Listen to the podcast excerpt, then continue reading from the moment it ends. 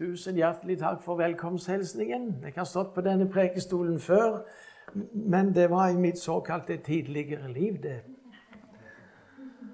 Jeg eh, syns det var veldig gildt å få dette spørsmålet fra Misjon Sarepta. Sarepta er jo den misjonen som plutselig er overalt. Ja, det er jo sånn. Merkelig. Men jeg tror Gud står bak. Fred med Gud. Jeg har ikke sett spesielt på dette som et emne, men det ligger i sentrum for all sann kristen forkynnelse. Det gjør det. Vi skal be. Kjære Herre Jesus, du ser hvor dårlig det står til med oss. Du veit om at vi er syndere, og vi har en natur som elsker det som skiller oss fra Gud. Og vi ber deg, Herre Jesus, om Den hellige ånd, din vekkende ånd, som fører syndere til Jesus. Du sa en gang, Jesus, at ingen kan komme til meg uten at Faderen som har sendt meg, drar ham. Og vi ber om den dragelsen, Jesus. Foruten blir alt menneskeverk. Og så ser du vår tid er ond, som best du vet. Gi du vår tro bestandighet, så aldri bliver fra oss vendt ditt guddomsord og sakrament. Amen.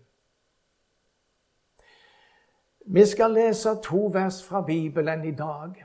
Og jeg vil påstå det er to sentrale vers, og det gjelder to forskjellige lærdommer i Gud og i Guds ord. Johannes evangelium, og så leser jeg fra nå, det tolvte kapittelet, vers 24. Og etterpå skal vi lese det sjette kapittelet og vers 53. Men først Johannes 12, vers 24. Sannelig, sannelig, sier jeg dere, hvis ikke hvetekornet faller i jorden og dør, blir det bare det ene kornet. Men hvis det dør, bærer det mye frukt.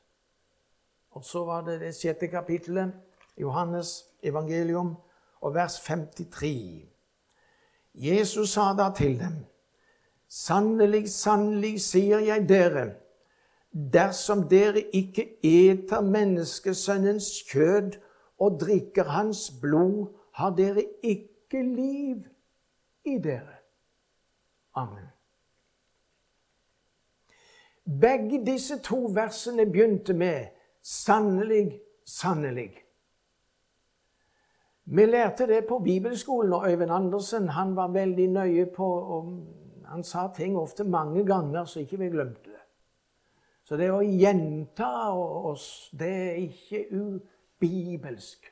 Han sa når Jesus sier 'sannelig, sannelig' Han gjentar det to ganger at det er dobbelt viktig å få tak i hva han sier. det. Og nå sier han 'sannelig, sannelig', og så taler han om hvetekornet. Det er noe viktig altså han vil si oss han, det berører selve grunnlaget for at en synder kan bli godtatt i himmelen som et gudsbarn. For det hjelper deg ingenting om du går rundt og tror at du er et gudsbarn, hvis ikke du er godtatt i himmelen. Jeg vet ikke om jeg er klar over det. Av og til så er det som man skal balle med mennesker menneske sånn å overbevise det at det burde bli en kristen, og så ja, ja, ja, så skal jeg bli det, da. Men det må være godtatt i himmelen. Og en gang kommer vi himmelens port og sier du får slippe meg inn, for jeg har bekjent meg som en kristen hele livet. Det vil ingenting hjelpe hvis ikke du er registrert i himmelen som et sant Guds barn. Hvetekornet Vel, vi kommer tilbake til det. Først må jeg bare si hvordan kan vi her på jord vite hva som er bestemt i himmelen? Det er jo helt umulig for oss. Ingen av oss har vært der. Hvordan kan vi det må, jo, det må vel bli en slags innbilning at vi håper det beste, vel? ikke sant? Her på jord. Ikke har vi sett Gud, og ikke har vi hørt Hans røst, annet enn de som sier at nå skal vi lese Guds ord. Men det, det er der vi har det. For himmelens ord har vi her. Det har vi fått. Og Derfor sa Jesus en gang det dere binder på jorden, er bundet i himmelen. Og det dere løser på jorden, det er løst i himmelen. Hvordan kunne han si det? Jo, fordi det hadde med Guds ords virkning å gjøre. Det er himmelens ord, Guds ord. Hvetekornet, det er nyttig for oss mennesker. Det har med mat å gjøre. Og når det er hvetehjul på tilbud, så er det mange som Da skal man ha det, vet du. Det er viktig for å leve. Helt nødvendig. Men hvis ikke vi hadde visst bedre, så ville vi sagt er det ikke litt rart å kaste det i jorda? Det er jo mat. Hvetekornet. Kaste det i jorda. Hvis de ikke faller i jorden og dør, står det. Jeg husker godt jeg skulle være med far min og ta opp potetene. Eh, vi spadde de ned, og vi spadde de opp. Vi, ja, det, ja, jo, vi gjorde jo det. Og så skulle jeg være med og plukke opp i en pøs, som jeg sier. De som eh, far min spadde, og jeg skulle plukke de opp. Og så sa han du må passe på, du får med alle. Ja, sa jeg, så holdt jeg på med det, og til slutt så fikk jeg tak i en. Men den var jo råden. Så sa jeg ja, nei, nei den, den, var råden, sa jeg. Jeg tror vi må hive den. Ja, bare gjør det. Ja, vent litt, sa far min. Kan jeg få se den? Ja visst kan du få se den. Så her, altså, så sier far min, ja, vet du, det er en av de som er satte her i vår. I mai. Ja, det var jo dumt han råtna, sa jeg. Nei da, sa far min. Det var ikke dumt. Se under stilken. Og der var det masse poteter. Og, og, og, sånn er det. Vi bor jo på Jæren, gjør vi ikke det? Og, og er vant til bønder, og, og litt av hvert sånn. Ved at kornet blir sådd i jorda, da kan man få en virkelig kornhøst. Mye frukt. Men Jesus er ikke kommet hit for å vise oss landbruk. Han taler om seg sjøl. Hvis ikke hvetekornet kommer, blir kasta i jorden og dør, så blir det bare det ene kornet. Dette er Jesus i sin avskjedstale til disiplene. Han er på vei til Golgata. Han skal lide og dø, og han veit om det. Og han taler om det på denne måten eh, at eh, det er han sjøl han taler om. Jeg må dø. Og hvis ikke dette skjer, som jeg er i ferd med å gjøre nå, så blir det bare meg i himmelen som et sant menneske. Det blir ikke flere. For mennesket har ikke automatisk fred med Gud. Hva er det motsatte av fred? Det er krig. Et ganske alminnelig, uomvendt menneske er i krig med Gud. Hvem er det som vinner den krigen? Det er ikke du. Det er ikke du. Derfor er det livsviktig å ha fred med Gud. Men det måtte en soning til. Jeg er så glad at Jesus har vært her på jord og gjort noe med det som var mitt største problem. Det som stengte meg ute fra himmelen. Det har han gjort noe med. Da han går mot Golgata, tynga ned av mine synder. Han som ikke visste av synd, ble gjort til synd for oss, for at vi i ham skulle bli rettferdig for Gud. Et spørsmål. Hvorfor ble ikke fariseerne frelst når de bekjente sine synder? For de var nøye med det. De måtte bekjenne synd. Hvorfor ble de ikke frelst? De fornekta og forkasta hvetekornet som ble lagt i jorden for å dø. Og det skal vi vite, at Jesu død har med min død å gjøre. For han gikk foran, døde under Guds vrede, fordi mine synder lå på han, sto opp igjen til min rettferdiggjørelse. Og det er grunnlaget for at det skal bli liv på kjerkegården, og alle som trodde på Jesus, står opp igjen når Jesus kommer i skyen og henter sine. Som han sa, gamle predikant i Setesdalen, Severin Tobiassen. Han trodde han skulle leve til Jesus kom i sky og hente han hjem. Han trodde det fullt og fast. Og så ble han sjuk. Og så skjønte han jeg må ned i grava, jeg òg. Den mørke grava. Men så sa han eh, Det var en begravelse. Han reiste seg. Og det var på hans siste dag, Så sa han jeg har stått og kikka ned i grava, men hun er ikke mørk lenger.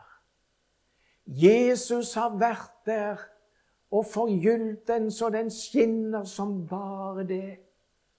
Og om jeg dere hører at en av dagene så han Severin død, så skal dere ikke sørge, sa han.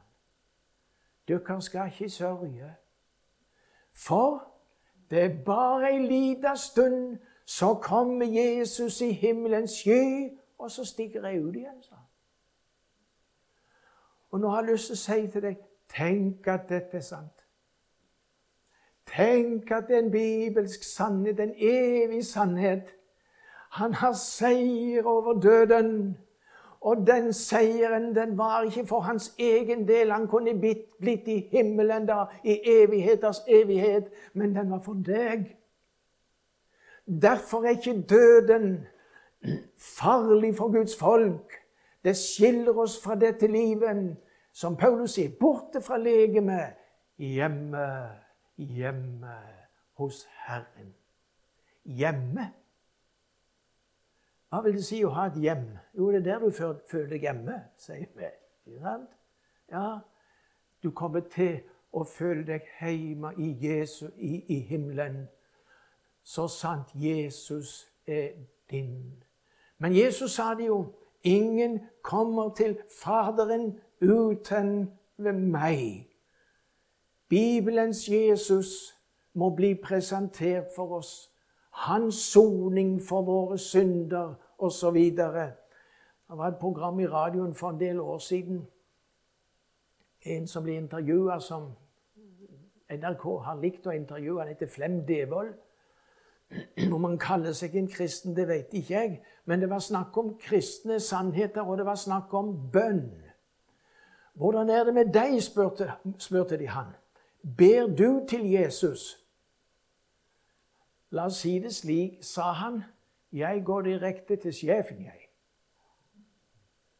Men det er ingen vei direkte til sjefen. Vil du ha kontakt med Bibelens Gud, så blir det gjennom Jesus. Det er ingen vei. Ingen kommer til Faderen uten ved meg. Forbildet på Jesus som Guds lam som bærer verdens synd. Vi har det i andre Mosebok kapittel 12, når de skulle ete påskelammet. Da var det veldig nøye. Skulle ikke, man skulle ikke hente hvilket som helst lam. Det skulle være et lam eller et kje, står det. Men det skulle være uten lyte. Det skulle ikke være noen feil med det. Det skulle være hannkjønn. Ja, jeg skal vel snart begynne å diskutere det òg i dag, men det står så. Det skulle være hannkjønn. Og det tredje var at det skulle være ett år gammelt. Et sånt land, sier Luther i en preken over den teksten i 2. Mosebok kapittel 12. Et slikt land, sier han, var meget fruktbart og kunne avle mange. Så kommer tanken vår inn. Ja, men, ja, var det ikke bedre at det lammet da fikk leve og avle mange? Det skulle jo slaktes. Og det skulle ikke bare slaktes. Og nå kommer vi inn på det andre verset jeg leste. Det skulle etes. Dersom dere ikke eter menneskesønnens kjød og drikker hans blod, har dere ikke liv i dere. Det første verset Jesus har sona synden. Ikke bare våre, sier apostelen, men for hele verden. Du treffer aldri et menneske som Jesus ikke har sona syndene til. Aldri. Men om han har fullbrakt frelsen, som det står, så kan du likevel gå fortapt, for det er ikke blitt mat for din sjel. Frelse, sa de gamle, det er åpenbaring. Åpenbaringen av evangeliet. Jesus talte dette i det tolvte kapittelet. Det har en bakgrunn. Det var nemlig et spørsmål. Det var noen grekere som kom med et spørsmål, og de kommer til Philip med dette spørsmålet. Vi vil gjerne se Jesus. Vi vil gjerne se Jesus. Og når Jesus hører det, det er da han begynner å tale om, om hvetekornet. Altså Å få det rette synet på Jesus, det har med Jesu lidelse, død og oppstandelse å gjøre. Og um, når det står 'dersom de ikke eter menneskesønnens kjøtt og drikker hans blod', så kunne jo tro at det, var, det var nadværen man talte om. At man må gå til nattverd, så har man det. Egentlig er det ikke nattværen det er tale om, men det passer godt på nattværen. Det gjør det. For der får vi del i Jesu sanne legeme, sanne blod. På en måte som ikke vi kan forstå. Men det betyr en personlig tilegnelse av Jesu forsoning. Det første verset jeg leste, det taler altså om forsoningen, det Jesus har gjort. Det andre om du må bli født på ny. Det vil si få den levende tro. Da jeg var 18 år, så fikk jeg sjokk. Ja, ikke fordi jeg var 18 år, men jeg gikk på Trygghjem på Nærbø, der jeg bor nå. Og sjokket bestod i av alle de elevene som reiste seg og vitna om at de var frelst. Ja, Men jeg er jo vokst opp i en kristen heim. Og jeg husker jeg tok argument for argument til mitt hjerte. Det er nok i orden med deg. Ja, men eh, det ble svært urolig for meg når jeg var på møtene og hørte at de andre på min alder reiste seg og vitne om Jesus. Hva skulle jeg vitne om? Så bestemte jeg meg. Jeg vil være nøytral. Jeg vil ikke lage noe bråk om dette. Jeg er nøytral. Det er veldig positivt. det. det er veldig, I dag er det sånn eh, Kan du slippe bråk? Eh, som sier Presidenten i USA er ikke akkurat nøytral. Så det blir ikke bråk når man skal være nøytral. Gjør det det? Det blir det når du møter Gud. For den som ikke er med meg, er imot meg. Det er Jesu klare ord. Er du her som er imot Gud? Nei, jeg vil være nøytral, sier du. Det kommer ikke til å hjelpe deg noen ting. Men så var det det at på den skolen der ble det jo stadig forkynt Guds ord. Og det er det forunderlige når Guds ord blir forkynt. Så skjer det noe. Vi hørte det her. Da skjer det noe. Og, og, spesielt når Guds ord blir forkynt for mennesker gjennom et lengre tidsrom. Da skjer det noe. Om du blir litt forskrekka på et møte og går hjem, og som han sa mannen han gikk hjem til kona og slengte huet i gulvet, og så sa han, 'Den predikanten går jeg ikke mer å høre på.' Hvorfor det, sa kona. Jo, for han siktet bare på meg. Så, da ble kona glad. Var redd han ikke skulle bli påvirka. Nå skjønte du predikanten. Ordet hadde truffet. Og det er nettopp det. Gud treffer blink, han. Kan dette. Det er bare han som ved Den hellige ånd kan skyte blink og treffe hjertene. Og han veit hva som er ditt problem. Og jo da, jeg har møtt ei kone stanset igjen etter et møte, og så sa hun Hvem er det som har snakka til deg og meg? sa hun. Jeg må beklage, sa jeg. Jeg, jeg, jeg.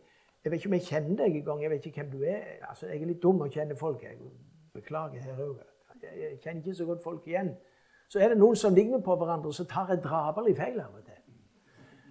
Men, men altså Nei, sa jeg, jeg kan garantere det er ingen som har snakka til meg om deg. Tull, sa hun. Det går ikke an å tale sånn uten å kjenne meg. Da skjønte jeg det. Og jeg ble liten der jeg sto. For det er ikke meg som hadde talt. Det var Gud. Han hadde truffet. Og det er det som er Jeg hørte Guds ord igjen og igjen. Og jeg kan jo fortelle hvordan det var. Jeg satt på et møte, og så gjorde predikanten meg enda mer sjokkert. For han sa nemlig det at du sitter nok på møtet i kveld og, og, det var jo sant. Der satt jeg. Ja, Men det var ikke det som var det sjokkerende. Du skjønner, Jeg hadde prøvd. Jeg skjønte jo det at jeg ikke var et Guds barn. Jeg hadde prøvd å bli det òg. Og det, det, førte til at jeg begynte å gå på det vi kaller bønnemøter. Det må vel hjelpe, tenkte jeg. Og jeg gjorde det, og jeg fant ut det hjalp ingenting. Så kom det en lærer til meg og så sa han, du Oddvar, det hjelper å be høyt tenkte jeg be høyt. Jeg kan ikke be verken høyt eller lågt. Ja, jeg sa det ikke høyt, men, men, men, men sånn hadde jeg det. Jeg slutta på bønnemøtet. Ja, Da kom det en ny lærer til meg og spurte holder du på å komme bort fra Gud. Jeg svarte nei. Og jeg løy ikke, for jeg var der jo ikke. Jeg var jo ikke hos Gud. Så jeg var borte. Men jeg, ville ha, jeg likte ikke det der maset. Men så satt jeg på et møte, og da er det predikanten sier ja, Han er død for noen få uker siden nå, denne mannen. Som jeg er veldig takknemlig til for at han sjokkerte meg. For han sa du sitter nok her som gjerne vil være en Guds barn, men du har ikke fått det til. Og hjelp, tenkte jeg. Har, de, det var noen som hadde sagt det at predikantene de er litt farlige, for de ser folk tvers igjennom. Det, det hørte jeg noen sa. Og når han sett meg, tenkte jeg. Og da var jeg glad, for det satt en litt stor kar rett foran meg. Så jeg dukka ned. Jeg dukka ned bak han, og der satt jeg. Men du vet, han, predikanten, han gjentok det. 'Å, du er nok her i kveld som gjerne vil være et Guds barn, men du får det ikke til.' Deg skal jeg si noen til nå, sa han.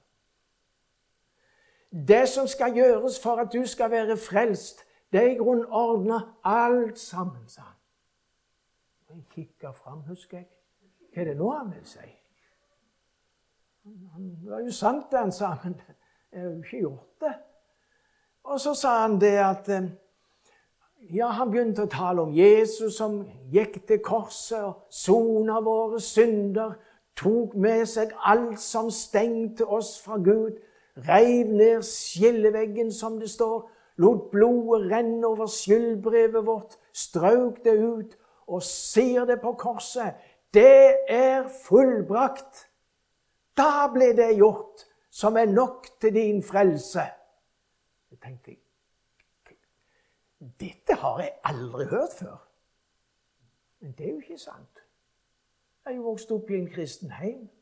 Og jeg kan godt huske jeg satt i fanget til mor mi, og hun begynte å tale om Jesus som døde på korset. Og jeg husker at jeg sa til mor mi det var jo rettferdig, han hadde ikke gjort noe galt. Da sa ikke mor mi mye, men tårene rant. Og så sa hun bare 'Jeg er glad for det'. Hun greide ikke å si mer da, for hun gråt av glede for at han gjorde det. Han gjorde det for meg. Jeg skal slippe helvete. Jeg skal slippe pinen. Jeg skal slippe det stedet som djevelen skal være i all evighet. Han som bare gjør oss vondt. Han som kalles manndraper, osv. Men denne predikanten fortsatte å preke, og til slutt så gikk det opp for mitt hjerte. Ja, men, ja, men, ja, men da er det jo i orden, da. Da, da, da får jeg vel Men jeg, jeg, jeg vet jeg tenkte Det kan jo ikke være så enkelt. Men Den hellige ånd vitner med vår ånd at vi er Guds barn fordi det var en som ordna opp for oss. Er ikke det godt? Men det kan være at du ikke har smakt dette. Det kan være det.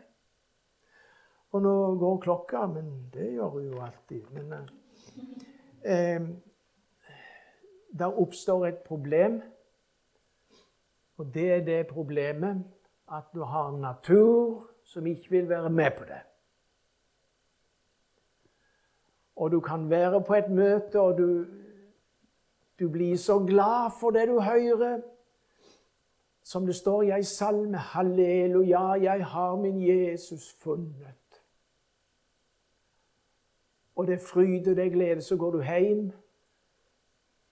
Så kommer fristelsen igjen. Det er det som skiller deg fra Gud. Synda. Vi er så lei av å høre om synd og nåde, hører vi av og til. Skal jeg si deg en ting? Hvorfor blir det sagt? Fordi det er aktuelt. For bak en sånn setning står ikke Gud. Det er uhyre aktuelt. Det er synden som er problemet. Men Gud være lov og takk. Slike tar Jesus seg av.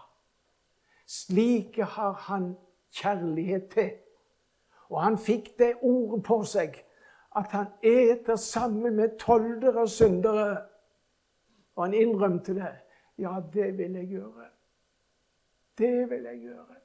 For jeg er glad i disse som ikke kan greie seg sjøl, sånn som fariseerne. Jeg vil ha dem med meg til himmelen. Jeg vil, sier han i den ypperste prestelige bønn, at de skal være der hvor jeg er. Så skal jeg avslutte med å si litt mer om dette problemet. Bare nå helt til slutt.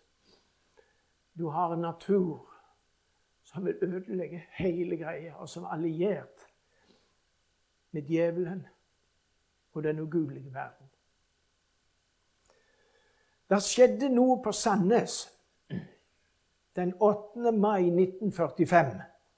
Ja, sier de som har greie på det. Det skjedde over hele landet, det. Ja, det stemmer, det. Gjorde det. Ja.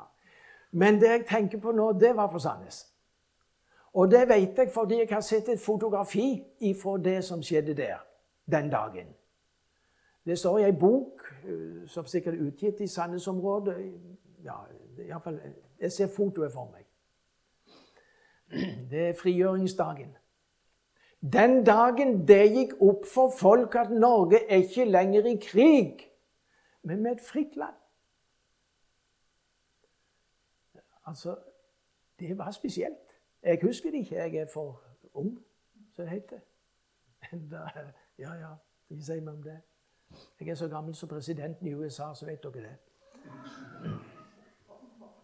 På månen. Uten sammenligning for øvrig.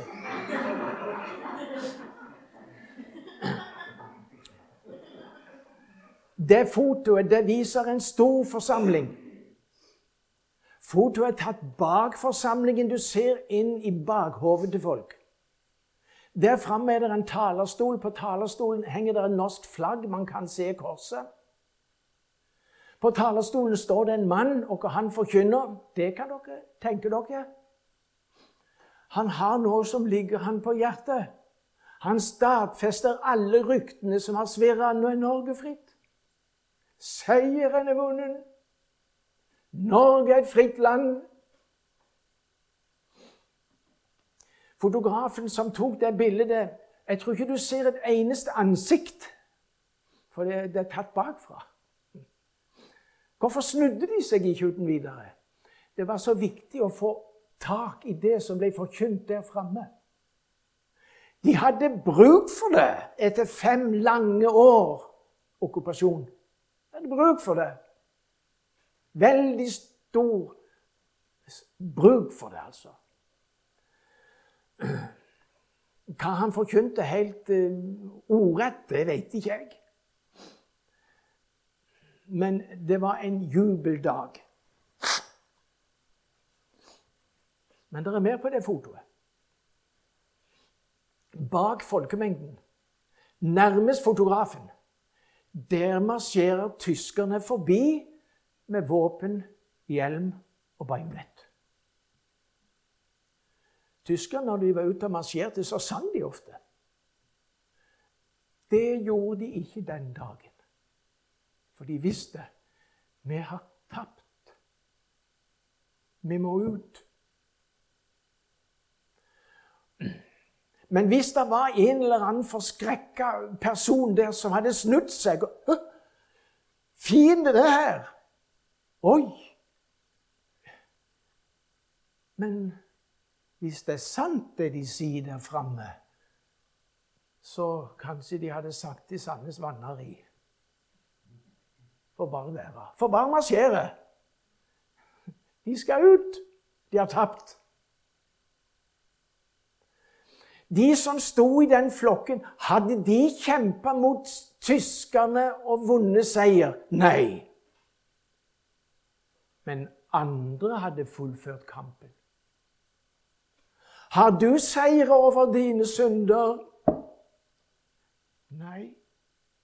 Ikke så Gud kan godta det. Men det var en som gjorde det. Det var en som gjorde det. Du, den seieren leverer jeg til deg nå, for den er din. Og derfor han gjorde det. Så kjenner du hvordan unnskyld uttrykket tyskerne marsjerer her inne. Fienden. Det er ikke tyskerne fienden vår i dag. Det vet vi. Du kjenner denne marsjeringen her inne. Du skal ikke gå langt før du kjenner det igjen. Men da skal du vite Herren Jesus har seira over alt det onde. Og det gjorde han for deg. Han kalles stedfortrederen. Det vil si, han gjorde det som du skulle ha gjort, men aldri kan. Men han gjorde det sånn at Gud regner med at du har ordna opp i hele greia sjøl. For han gjorde det jo for deg. Det er jo ditt. Tenk på det. Ja, tenk på det.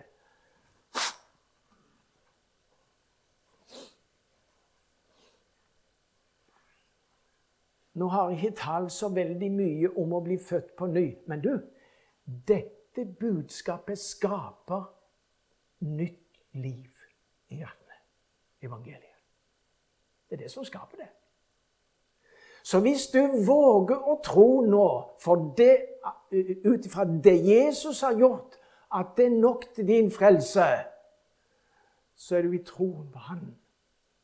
I troen på Han. Og det er den tro som har overvunnet verden, står det. Fordi det er Jesus som står bak hele greia. Hold deg til Han disse grekerne Vi vil gjerne se Jesus, og det er dette vi må få se. Og her skal vi slutte. Kjære Herre Jesus. Nå vil jeg be for hver eneste en som er kommet på møte i kveld. Og var det noen som var kommet bort fra deg, kanskje på vei bort, eller aldri har bekjent seg som dine Jesus, så be meg. Du som sa 'ingen kan komme til meg uten Faderen som har sendt meg', drar ham. Så vil du dra. Så vil du gjøre gjerningen. Og Herre, vi ser fram til å glede oss og fryde oss over at folk kan sitte på stolen og høre seg frelst når du kommer nær med din ånd. Det nye livet ut i Jesu Kristi tro? Er ditt navn i himmelen skrevet, skal du i Guds rike bo. Og jeg spørrer deg